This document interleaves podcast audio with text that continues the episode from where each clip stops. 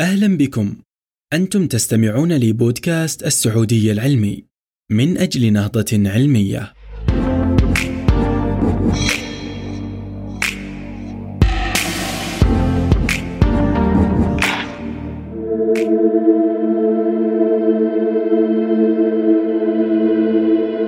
عندما يجتمع نجمين يافعين يصبح من الصعب أو المستحيل التنبؤ بطبيعة علاقتهما.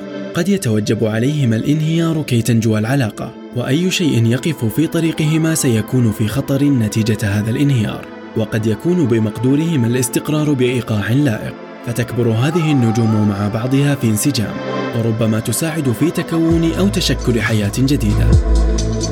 في الحقيقة تشير برامج المحاكاة إلى أن النجوم الثنائية التي تدور حول بعضها البعض من الممكن أن تستضيف كواكبا أكثر من النجوم المنفردة مثل الشمس. هذا إذا كانت علاقتهما تساعد على النضوج بشكل سريع.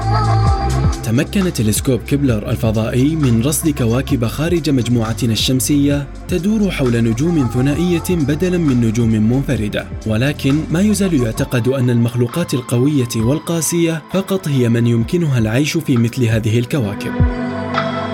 تبدأ النجوم الشابة حياتها بمزاج متقلب نوعا ما، وذلك يعتبر خبرا سيئا بالنسبة للكواكب القريبة. تبطئ النجوم من سرعة دورانها بشكل طبيعي مع تقدمها في العمر، وتقلل من نشاطها مما يجعلها مكانا قابلا للسكن.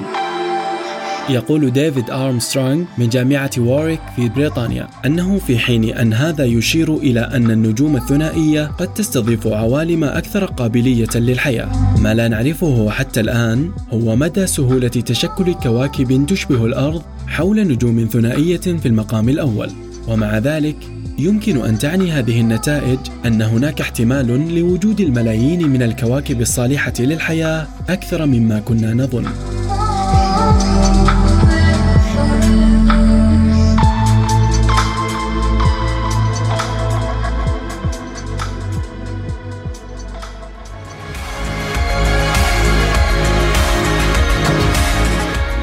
كنت معكم منصور أبو حيمد من مجموعة السعودية العلمي.